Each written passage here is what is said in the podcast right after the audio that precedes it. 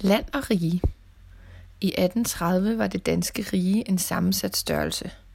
Det bestod af kongeriget, af hertugdømmerne Slesvig, Holsten og Lauenburg, af bilandene Færøerne, Island og Grønland, og endelig af kolonierne Trankebar i Indien, Christiansborg i Vestafrika i det moderne Ghana, og af de vestindiske øer St. Kreuz og St. Thomas og St. Jan.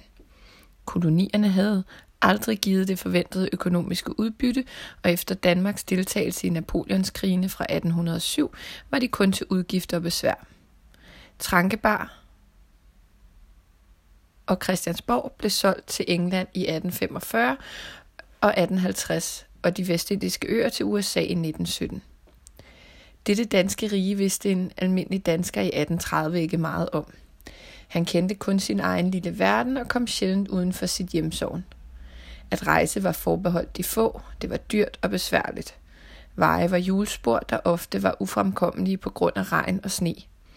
Man kom frem til fods på hesteryg eller i hestevogn. Lettest var det, hvis man kunne få skibslejlighed på sejlskibe, som på visse strækninger sejlede i nogenlunde fast rutefart. Siden slutningen af 1700-tallet havde regeringen arbejdet på at udbedre hovedlandevejen over Sjælland, Fyn og gennem Østjylland. Midt i 1800-tallet var man ved vejs ende, og landevejen var nu blevet til en grusbelagt chaussé. Fra 1830'erne var der regelmæssig trafik af dagvogne eller diligencer mellem de vigtigste købsteder. I 1828 fik Storebæltsoverfarten sit første dampskib med Corius, og seks år senere sejlede der også et dampskib fra Aarhus til Kalundborg. Det gjorde overfarten hurtigere og mere uafhængig af vejr og vind. Alligevel varede en rejse fra København til Aarhus normalt tre dage, og uheld og uforudsete begivenheder kunne let forlænge den. Den store trafikrevolution kom med jernbanen. Den første strækning fra København til Roskilde blev indviet i 1847. I 1856 var den forlænget til Korsør. Først i 1860'erne kom der dog rigtig gang i jernbanebyggeriet. I 1869 var hovedlinjerne færdigbygget. Der var stor politisk splid og diskussion om linjeføringen, især i Jylland. Nogle mente, at man skulle lægge vægt på en længdebane, der kunne forbinde Jylland med Hamburg og Tyskland. Andre foretrak tværbaner til havnebyer i Vestjylland, der kunne fremme den økonomiske forbindelse til England.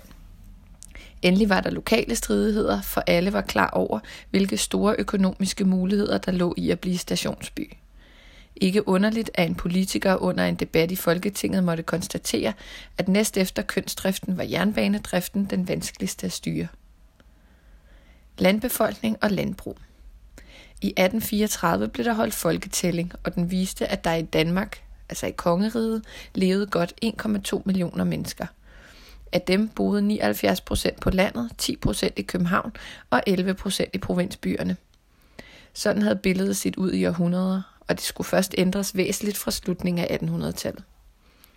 Langt de fleste mennesker levede altså af landbrug. Cirka 800 godser eller hovedgårde dyrkede 9% af landbrugsjorden, mens resten af jorden var fordelt på ca. 66.000 familiebrug. Tidligere havde godsejerne ejet alt landbrugsjord, og bønderne var festebønder. For at feste, altså lege gården, måtte de betale, nat- betale naturalier, landgilde, og arbejde for herremanden, Hård og rig.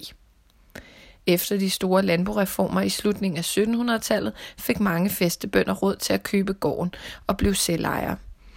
I 1834 var endnu 37 procent af bøndergårdene festegårde. Fra gammel tid var Danmark et stændersamfund, det vil sige, at indbyggerne ikke regnedes for ligestillede borgere, men opfattedes som medlemmer af adel, borgerstand eller bundestand, hver med sine rettigheder og pligter. Standsforskellene var ikke så store som tidligere, men for bønderne var pligterne dog stadig i overtal, hvilket blev begrundet med tidens almindelige opfattelse, nemlig at de i det hele tagende udgørende en mindre formue og mindre oplyst klasse end de øvrige statsborgere. Værnepligten galt alene bønderkalene, og når de kom hjem efter to års barsk soldatertjeneste, havde de som ugifte pligt til at tage fast arbejde. Det såkaldte offentlige hoveri var en tung byrde for bønderne. De skulle stille med heste og vogn, når embedsmænd skulle på rejse eller militære enheder skulle flyttes. Og de skulle hjælpe til ved anlæg og vedligeholdelse af de førnævnte landeveje. Endelig var skat på bondejord højere end skat på hovedgårdsjord. I årene før og under Napoleons krigene indtil 1815 havde, dansk, øh, havde danske bønder haft gode tider på grund af høje kornpriser. 10-året 1818 til 1828 blev derimod en katastrofe. Kornpriserne faldt voldsomt. England lukkede for import, og eksporten til Norge faldt, da Norge i 1814, efter 400 års tilknytning til Danmark, blev lagt ind under Sverige. Bedre blev det ikke, at dansk korn øh, havde en elendig kvalitet. Fra omkring 1830 gik det fremad igen. Efterspørgselen efter korn steg og dermed priserne, da befolkningstallet og industrialiseringen skred frem i Europa og England igen åbnede for import. Gennem en sej arbejdsindsats i de følgende årtier udvidede danske bønder det dyrkede areal med 20 procent. Nye redskaber kom til, først og fremmest den lette, effektive svingplov, der i 1840'erne afløste den gamle, tunge hjulplov. Endelig forbedredes kornens kvalitet og foldudbyttet langsomt gennem jordforbedring, for eksempel ved dræning og brug af mærkel. Alt dette førte til en stabil opgangsperiode for dansk landbrug. Tiden fra 1830 til 1870 kaldes kornsalgsperioden. Som overalt i Europa steg befolkningstallet også stærkt i Danmark. De 1,2 millioner i 1830 blev til 1,7 millioner i 1866. Relativt set voksede befolkningstallet mest i provinsbyerne, men langt de fleste blev på landet som husmænd og landarbejdere. I 1835 var der 90.000 husmandsbrug med ganske lidt jord til 1873 165.000. Husmændene måtte tage arbejde på bøndergård og herregård, og de mærkede ikke meget til de bedre tider. Husmandsstedet var ofte festet for et år ad gang. Husmanden var hårderipligtig og underkastet arbejdsgiverens tugtelsesret, det vil sige retten til at straffe ham for forsømmelighed.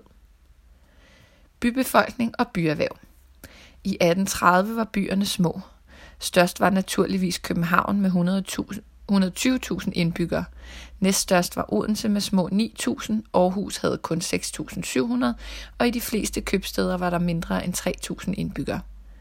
Byerne havde fra gammel tid monopol på handel og håndværk.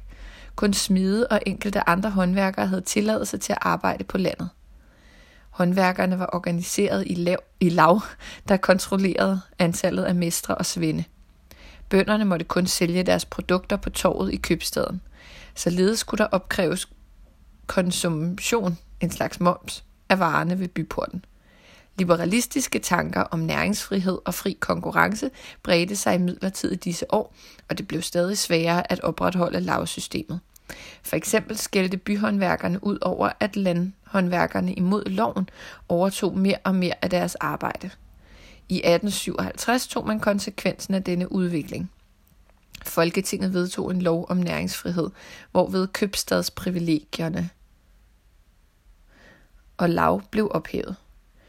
Mange byhåndværkere protesterede, og for at imødekomme dem oprettedes et så såkaldt læbælte rundt om købstaderne. I en afstand af en mil, det vil sige 7,5 km fra byen, måtte der ikke drives håndværk og handel. Læbæltet blev først ophævet i 1920. I 1840'erne dukkede de første egentlige industrivirksomheder op, det vil sige virksomheder, hvor der var mere end seks ansatte, hvor man brugte maskinkraft, altså dampmaskine, som energikilde, og hvor man producerede for et åbent marked og ikke på bestilling. Det drejede sig for eksempel om jernstøberier, tekstilfabrikker og bryggerier. Endelig var de få og små det egentlige industrielle gennembrud øh, kom først. Det egentlige industrielle gennembrud kom først i 1870'erne. Hertugdømmerne, som havde ca. 650.000 indbyggere, var i økonomisk henseende et hestehoved foran kongeriget. Øh, landbruget var mere effektivt, og mejeriprodukter, især smør, var den vigtigste eksportartikel. Især i Holsten var industrialiseringen ved at komme i gang, og byer som Altona på 23.000 indbyggere, Kiel 10.000 indbyggere og Flensborg 13.000 indbyggere var større end kongerigets provinsbyer. Allerede i 1844 indvides en jernbane fra Altona til Kiel. Liberalismen Liberalisme er en politisk og økonomisk ideologi, der opstod i Vesteuropa i 1700-tallet som en reaktion imod det enevældige samfund. I begyndelsen af 1800-tallet vandt liberalismen stadig flere tilhængere også i Danmark, især i den veluddannede bybefolkning. Politisk hævdede liberalisterne folkesuveræniteten, det vil sige den opfattelse, at statens øverste myndighed udgår fra folket og ikke fra kongen. Derfor ønskede de et parlamentarisk demokrati og afskaffelse af alle standsprivilegier. Liberale demokratiske forfatninger blev først gennemført i den nye stat USA i 1789 og i Frankrig i 1791 i forbindelse med den franske revolution. Hovedprincipperne i den økonomiske liberalisme blev først formuleret af skotten Adam Smith i 1776 i bogen The Wealth of Nations. Her i hævdede han, at den størst mulige økonomiske frihed for den enkelte borger ville føre til større effektivitet og dermed øget produktion, og det ville blive til glæde for både producenter og forbrugere. I det enevældige samfund var det almindeligt, at statsmagten greb regulerende ind i det økonomiske liv.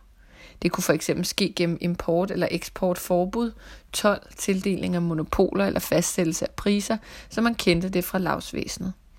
Alle disse statsreguleringer, som Adam Smith kaldte merkantilisme, skulle afskaffes, og alle skulle have lige adgang til erhverv, altså næringsfrihed. Derved ville der opstå fri konkurrence mellem producenter, hvilket naturnødvendigt ville føre til produktionen af den bedst mulige vare til den billigst mulige pris. Alle handelsrestriktioner mellem landene burde afskaffes. Frihandel.